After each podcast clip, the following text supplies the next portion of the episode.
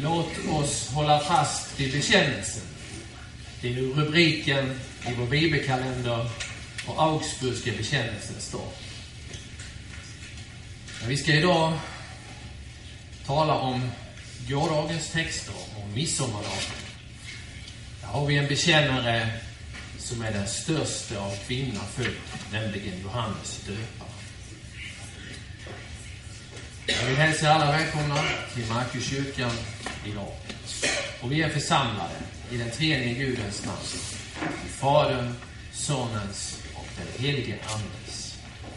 Vi använder introitus på midsommardagen i vår liturgipakt idag.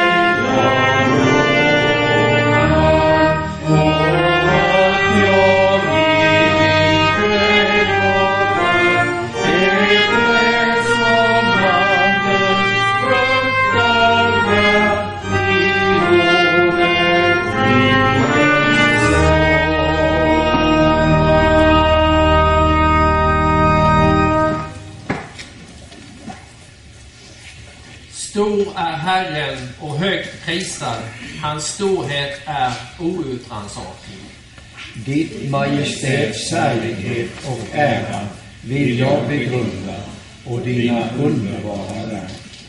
Himlarna vittnar om Guds härlighet. Himlavalvet förkunnar hans ämbetsverk. Ära vare Fadern och Sonen och den helige Ande. Så som det var i begynnelsen, nu är och ska vara i evighet. Herren är i sitt heliga tempel. Hans tron är i himlen. Han skådar ner till den som är betryckt och har en förkrossad ande och till den som fruktar hans ord. Han hör de ångerfulla sucka och vänder sig till deras bön. Låt oss därför bekänna vår synd inför Herren och be om nåd och förlåtelse. Jag, fattig, syndig människa, bekänner inför dig, helige och rättfärdige Gud, att jag är född med synd och på många sätt har brutit mot dig. Jag har inte älskat dig över allting och inte min nästa som mig själv. Det är mot dig och dina bud jag har syndat med tankar, ord och gärningar. Jag vet att jag är värd den eviga fördömelsen om du skulle döma mig som mina synder har förtjänat.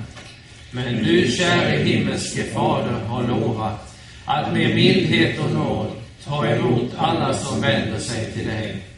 Du vill förlåta dem allt vad de har brutit och försummat och ska aldrig mer komma ihåg deras synder. Detta litar jag på när jag nu ber dig om förlåtelse för min frälsares Jesu Kristi skull.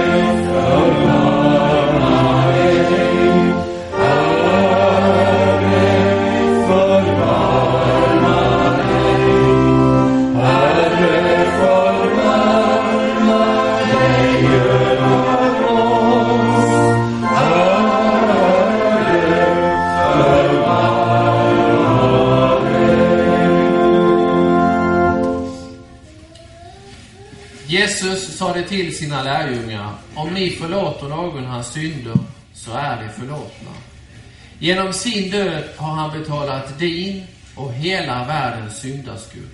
Tror du detta? Ja, jag tror. På grund av vår frälsares, Jesu Kristi löfte förlåter jag dig alla dina synder. Var förvissad om att du är Guds kära barn och arvtagare till det eviga livet. Gå i frid. Herren vara med dig. Amen. Låt oss tacka och lova Herren för förlåtelse och frid.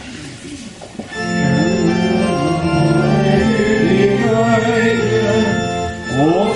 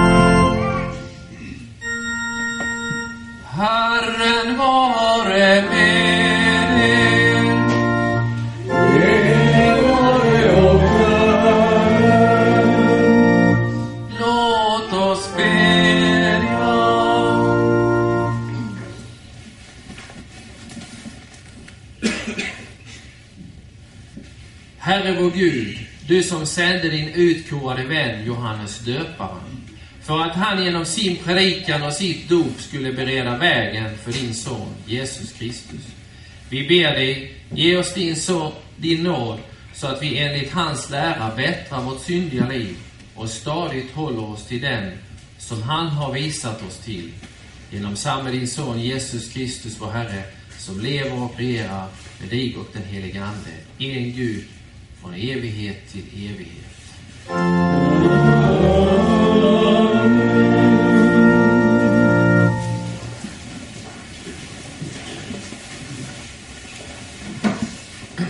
Från Gamla Testamentet så läser vi idag ur profeten Jeremias bok i det tionde kapitlet från den elfte versen där orden lyder så i Jesu namn. Så ska ni säga till dem, de gudar som inte har gjort himmel och jord skall utrotas från jorden och inte finnas kvar under himlen. Han har skapat jorden genom sin kraft. Han har grundat världen genom sin vishet och genom sitt förstånd har han spänt ut himlen. När han låter sin röst höras, då brusar himlens vatten. Då låter han regnskyar stiga upp från jordens ände. Han gör blixtar åt regnet och för vinden ut ur dess förvaringsrum. Alla människor står då som dårar utan förstånd. Alla guldsmederna kommer på skam med sina avgudar. Ty deras gjutna gudabilder är bedrägeri. Ingen ande är i dem. För förgänglighet är det ett verk som väcker åtlöje. När straffet kommer över dem förgås det. Sådan är inte han som är Jakobs del. Han är den som har format allt och Israel är hans arvedelsstam. Herren Sebaot är hans namn.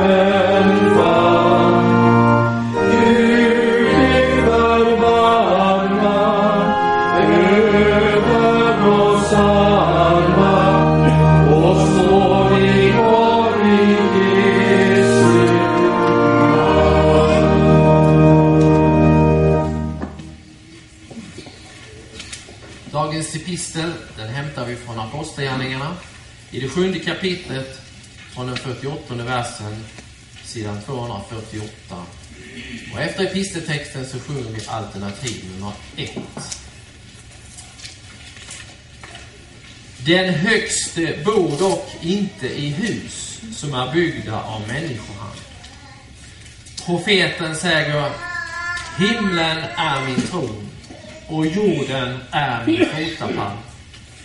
Vad för ett hus kan ni bygga åt mig, säger Herren, eller vad för en plats där jag kan vila?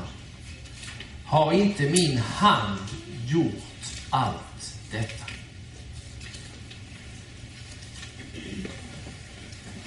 Upplyft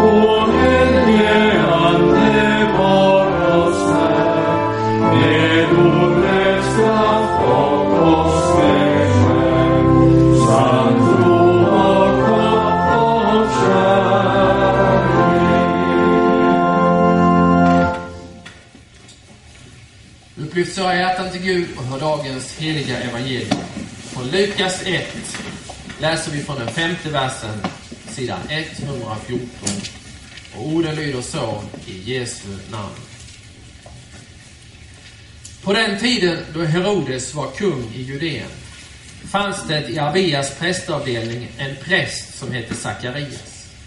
Hans hustru var av Arons släkt och hette Elisabet. De var båda rättfärdiga inför Gud och levde oförvitligt efter alla Herrens bud och föreskrifter. Men de hade inga barn eftersom Elisabet var ofruktsam. Och båda var till åren. En gång när turen kom till Sakarias avdelning att han, och han fullgjorde sin prästtjänst inför Gud fick han vid den sedvanliga lottningen uppdraget att gå in i Herrens tempel och tända rökelseoffret. Allt folket stod utanför och bad medan rökelseoffret bars fram. Då visade sig för honom en Herrens ängel som stod till höger om rökelsealtaret. Sakarias blev förskräckt vid denna syn och fruktan kom över honom. Men ängeln sade till honom, frukta inte, Sakarias, din bön har blivit hörd. Din hustru Elisabet ska föda en son åt dig och du ska ge honom namnet Johannes. Du ska få fröjda dig och jubla och många kommer att glädja sig över hans födelse. Ty han skall bli stor inför Herren. Vin och starka drycker skall han inte dricka och redan i moderlivet skall han bli uppfylld av den helige Ande. Och många av Israels barn skall han omvända till Herren, deras Gud. Han skall gå framför honom i Elias ande och kraft för att vända fädernas hjärtan till barnen och omvända de olydiga till ett rättfärdigt sinnelag och så skaffa åt Herren ett folk som är berett. Så lyder det heliga evangeliet.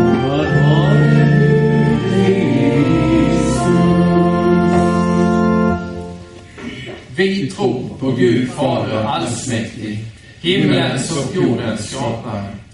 Vi tror på Jesus Kristus, hans enfödde Son, vår Herre, vilken är avlad av den helige Ande, född av jungfru Maria, pinad under Pontius Pilatus, korsfäst, död och begraven, nederstigen till helvetet, på tredje dagen uppstånden igen ifrån de döda, uppstigen till himlen, sittande på allsmäktig Gud Faders högra sida, därifrån igenkommande till att döma levande och döda.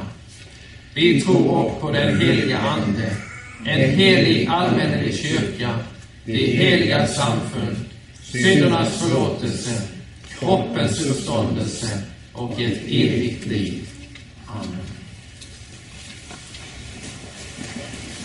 Mm-hmm.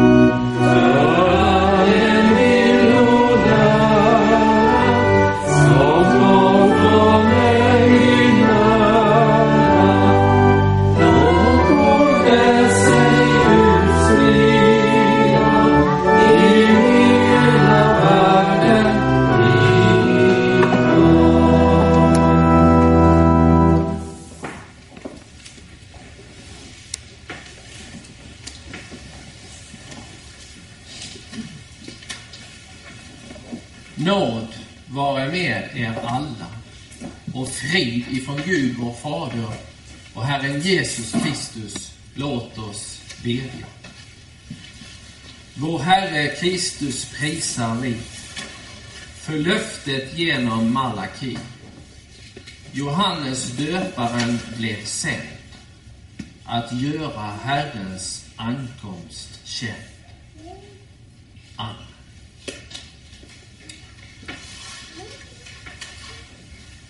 Tredje avgångens predikotext.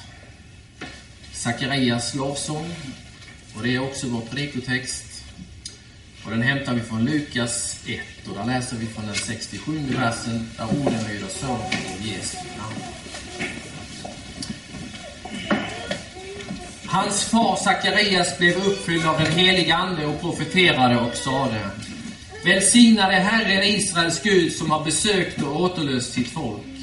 Han har upprättat åt oss ett frälsningens horn i sin tjänare Davids släkt, så som han för länge sedan hade lovat genom sina heliga profeters mun. Han har frälst oss från våra fiender och från deras hand som hatar oss. Han har visat barmhärtighet mot våra fäder och tänkt på sitt heliga förbund. Enligt den ed han gav vår fader Abraham, att vi, frälsta ur våra fienders hand, skulle få tjäna honom utan fruktan, i helighet och rättfärdighet inför honom under alla våra dagar. Och du, barn, skall kallas den Högstes profet, ty du skall gå före Herren och bana väg för honom och ge hans folk kunskap om frälsning, att deras synder är förlåtna. För att vår Guds innerliga kärleks skull, i kraft av den skall en soluppgång från höjden besöka oss, för att ljus skall skina över dem som sitter i mörker och dödsskugga och styra våra fötter in på fridens väg. Och barnet växte upp och blev starkare i anden, och han vistades i öde trakter fram till den dag då han skulle träda fram inför Israel. Amen. Herre, helga oss i sanning. Ditt ord är en evig sanning. Amen.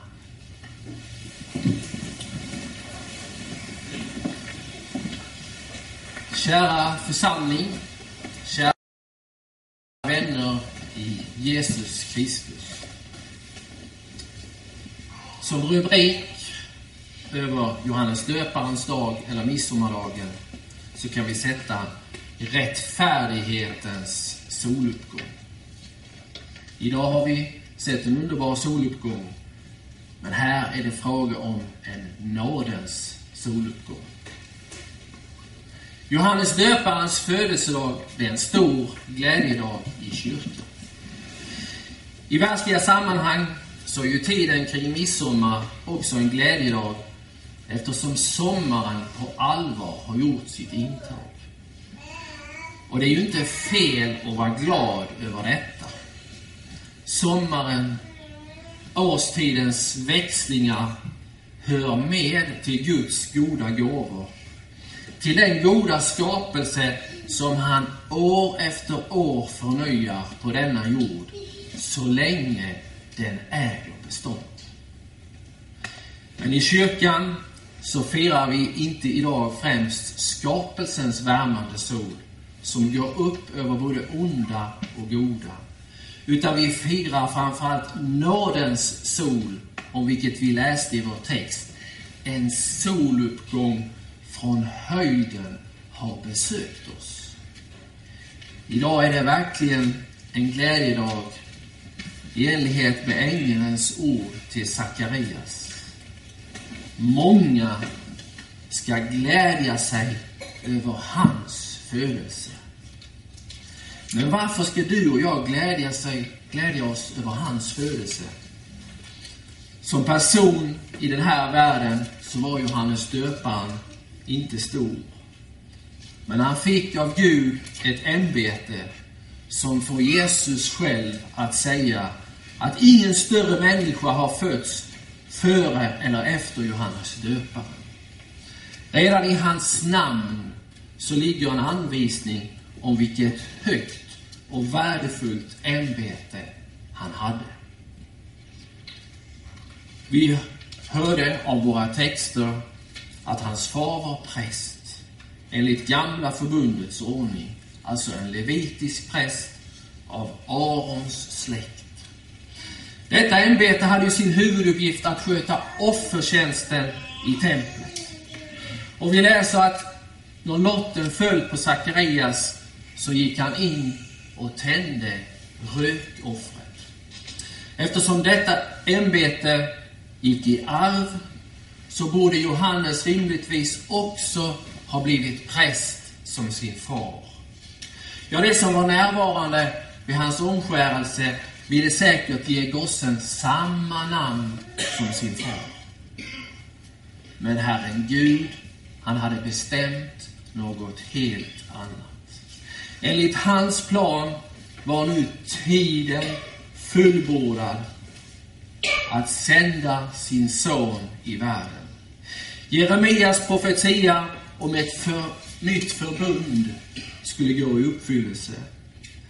Men nu har Kristus, som vi läser i Hebreerbrevet, ett högre prästämbete, liksom det förbund han är medlare för är bättre, eftersom det är stadfäst, som det står, med bättre löften. När Johannes döparen föddes så var det gamla nära att försvinna.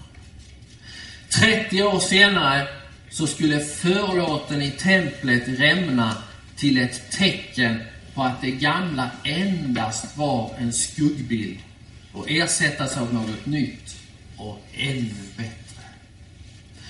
I Nya förbundet så är alla troende, som Petrus säger, ett konungsligt prästerskap som ska förkunna hans väldiga gärningar intill dess han kommer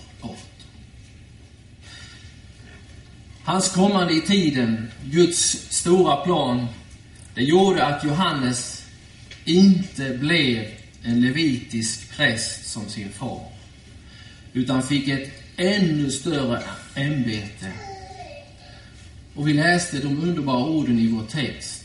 O barn, du skall kallas den Högstes profet. Det måste ha varit en märklig händelse för Sakarias som levde i en tid när profet, profet, profeterna hade tystnat.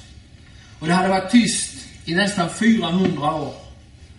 Vad hade Sakarias att tillgå? Säkert hade han läst de välkända orden hos Malaki många gånger. Men för er som fruktar mitt namn skall rättfärdighetens sol gå upp med läkedom under sina vingar. Detta är den sista profetian om Jesu ankomst. Den står på sista sidan i vårt gamla testamente. Den är nu för Sakarias så nära uppfyllelse som den kan vara. Den liknar Messias vid rättfärdighetens sol, som så underbart det står, med läkedom under sina vingar. Det var säkert på den bilden Sakarias tänkte när han i sin lovsång sjöng om soluppgången för dem som sitter i mörker och dödsskugga. Lovsångerna kommer tätt i början av Lukas evangeliet. Vi har Marias lovsång. Vi har Sakarias lovsång som vi har läst. Vi har Simons lovsång. Och vi har Hannas lovsång. Alla sjunger de om frälsaren som ska komma. Alla sjunger de om Guds stora barmhärtighet. Att Gud blir människa och stiger ner på jorden för vår skull. Frälsning, det är ju frihet från tyranni och slavtjänst. Därför liknar Sakarias Messias, som det står med frälsningens horn, som man griper tag i för att bli räddad. Solen, den är också en Kristusbild. Soluppgången, den är ju fylld av löften. Den ger ljus och värme för kropp och själ och läkedom under sina vingar. Så skall också han som är rättfärdighetens sol komma med frälsningens ljus och frihetens läkedom Nu är tiden inne då profetierna ska gå i uppfyllelse. Barnet som Sakarias bar i sin famn. Det var uppfyllelsen av det löfte han själv hade fått. Johannes blir bekräftelsen på att profeternas löfte om Messias har börjat uppfyllas. Därför sjunger Sakarias inte om sin son utan om Kristus där han står med Johannes i famnen. För nu vet han. Den som har kommit, det är bara ett förebud. Johannes var bara en förelöpare till honom som skulle komma. Den ene skulle bana vägen och den andra var vägen, sanningen och livet. Han skulle bli större och Johannes skulle bli mindre. I den här världen så finns det inget samband mellan storhet och storhet inför Gud. Inför världen var han inte, Johannes döparen, större än att han slutade sitt liv i en ynklig fängelsehåla. Salome fick hans huvud som lön för sin dans danskonst. Det var världens store som bestämde så. Där har svärden, de har sina svärd och de har fängelsehålorna till sitt fulla förfogande.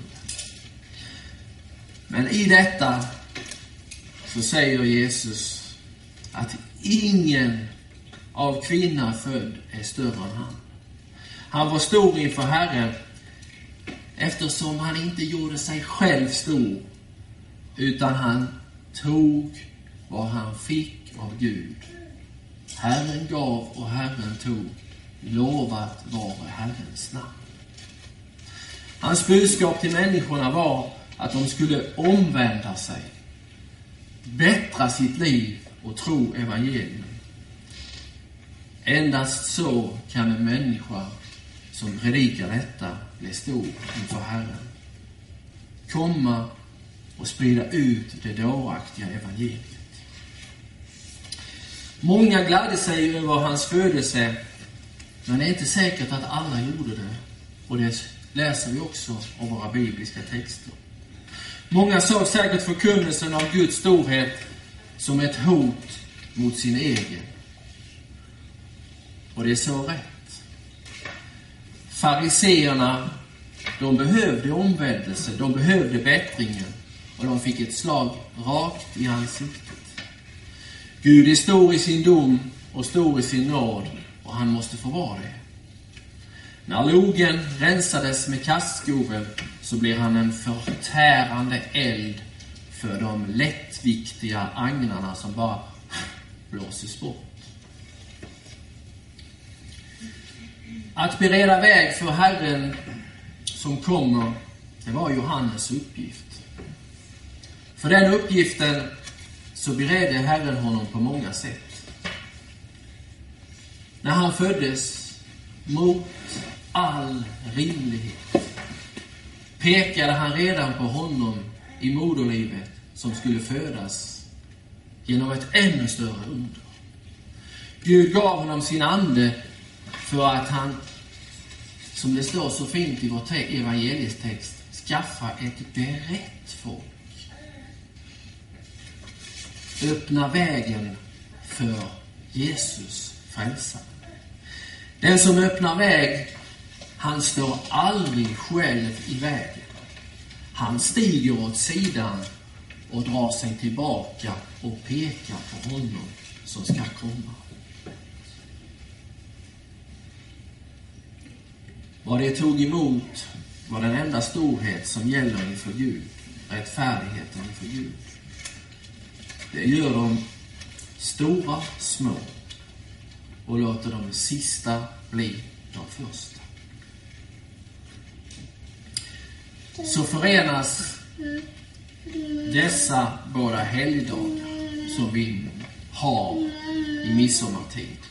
Johannes döparens dag, som egentligen var igår, och Augsburgska bekännelsens dag i en klar och tydlig bekännelse till vår Herre och Frälsare. Johannes fick se Herren Jesus komma gående och peka på honom. Martin Luther fick föra fram Jesu ord på ett språk så att du och jag kunde förstå. Inför dåtidens mäktiga herrar vid riksdagen i Worms så stod han där i sin enkla munkåpa och sa om skriften och Guds ord. Här står jag och kan inget annat. Jag är fångad i sanningen. Gud hjälper mig. Amen. Bägge, både Johannes och Martin Luther, de hade ett enda mål med sin undervisning. Och det var människors räddning och peka på Kristus som tar bort världens synd. Men var kommer då vi i Sankt Markus församling in i detta sammanhang? Vår lilla kyrka firar om några veckor 40-årsjubileum. Till det yttre en svag och bräcklig kyrka. Inga stora byggnader och i många, mångt och mycket så är vi små och oansenliga. Men vad har flodstranden vid Jordan och den lilla staden Wittenberg gemensamt? Till det yttre är det smått och oansenligt. Så fick den lilla orten Yxelhult strax söder om Smålandsgränsen bli orten där vår första årskonferens ägde rum. Och jag tror att en del av oss som är här idag också var med då. Och det utfärdades en kommuniké vid denna årskonferens.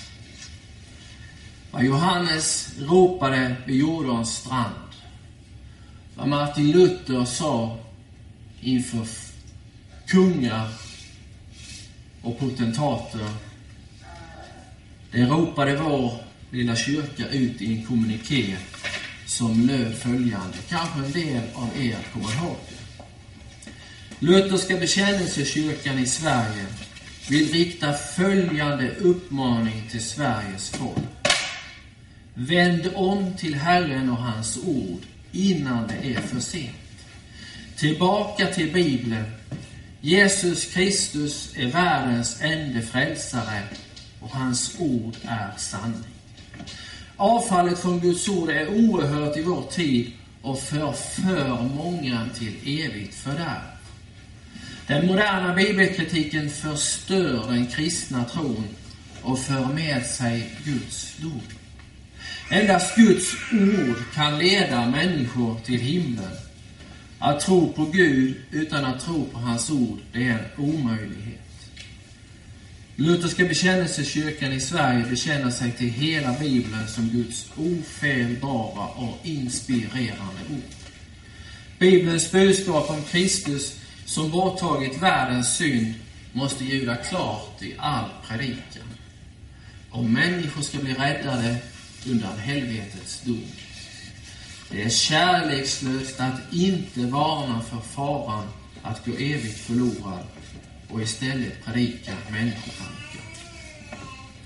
Att förkunna Guds lag och bestraffa all slags synd, det är en viktig del av kyrkans förkunnelse.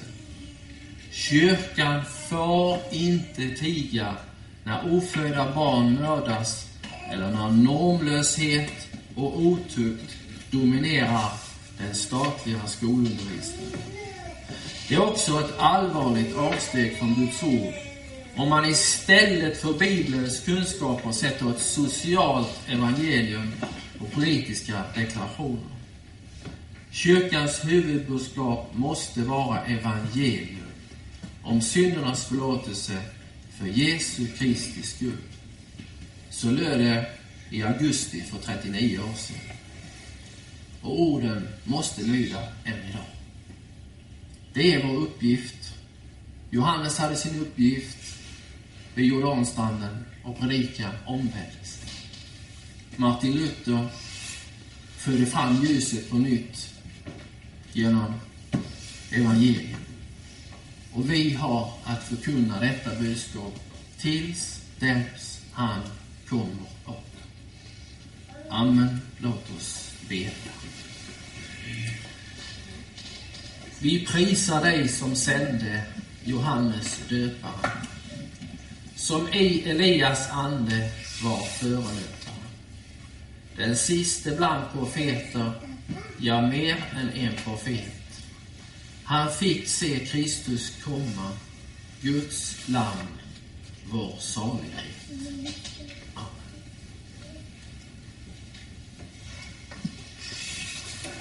Kyrkliga tillkännagivanden. Vi har en söndag kvar i sommarmånaden juni och det är den 29 och då är det gudstjänst här i vanlig ordning klockan 10.00. Alltså nästa söndag, gudstjänst här 10.00. Kollekten som uppbars här förra söndagen den inbringade 2800 kronor vilket härmed tacksamt erkännes. Kollekten idag den tillfaller vår församling och den rekommenderas till den allra bästa. Gud älskar en glad givare.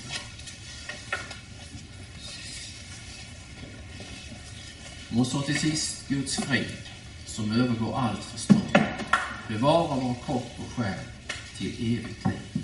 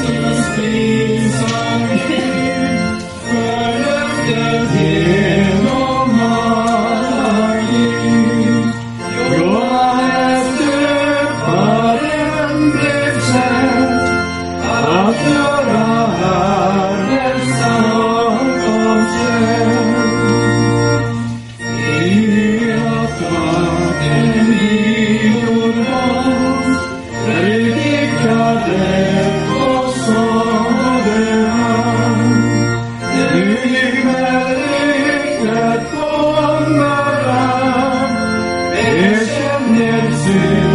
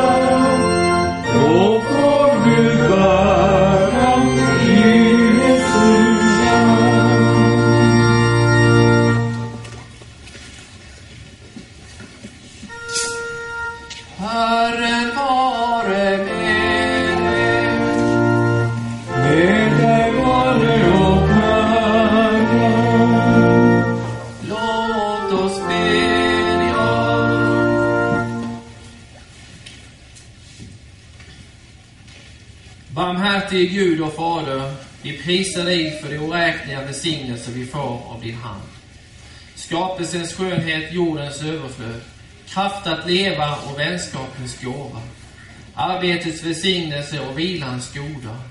Förmånen att dela glädje och sorg med varandra. Framförallt tackar och prisar vi dig för ditt frälsande ord och för din Sons kropp och blod, som du ger oss att äta i nattvardens sakrament. Genom dessa nådens medel sänder du din heliga Ande i våra hjärtan och förenar oss med Jesus och hela den kristna kyrkan på jorden. Styrk oss med denna himmelska föda och föröka i oss tilliten till Kristus och kärleken till varandra. Store Gud och Herre, utan din ständiga hjälp har vi lätt att vackla i vår tro. Förlora modet och tappa vår vaksamhet. Dagen och tiden är ond. Ge oss kraft att med ny frimodighet möta de bekymmer som varje dag bär med sig. Öppna våra läppar så att de förkunnar din nåd. Gör oss villiga att använda de gåvor du har gett oss att räcka ditt frälsningsord till alla människor. Bevara och välsigna vårt land, våra familjer, våra skolor och vårdinrättningar. Och landets styrelse, vår konung och drottning och deras familj. Se nåd och barmhärtighet till dem som är sjuka och till alla dem i vårt samhälle som lider. Väck i oss vilja att be för dem som lider och hjälpa dem i deras nöd. Kära Herre Jesus, du botade alla sjuka som kom till dig och bad om hjälp. I Bibeln står det att om vi blir kvar i dig och dina ord blir kvar i oss, så kan vi be vad vi vill och vi ska få det. På samma sätt lovade du att om två av oss är samlade i ditt namn och kommer överens om att be dig om något, så ska vi få det. Vi förlitar oss på dessa löften och vi ber nu för vår kyrkoherde Alvar. Liksom du gjorde när du botade sjuka vill du nu göra också med honom. Lindra smärtan och låt oss alla snart se honom mitt ibland oss igen. Vi ber för hans familj. Ge dem styrka, tröst. Ja, låt ordet bära oss alla genom det. Vi ropar alla till dig som har sagt orden som gäller i alla tider. Men för er som fruktar mitt namn skall rättfärdighetens sol gå upp med läkedom under sina vingar. Hör oss, Herre, när vi kommer inför dig med våra personliga böner.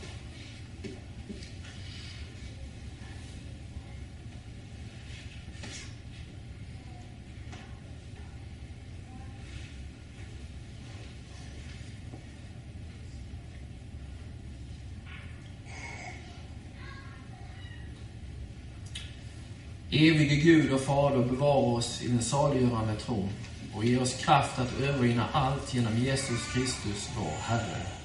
Amen.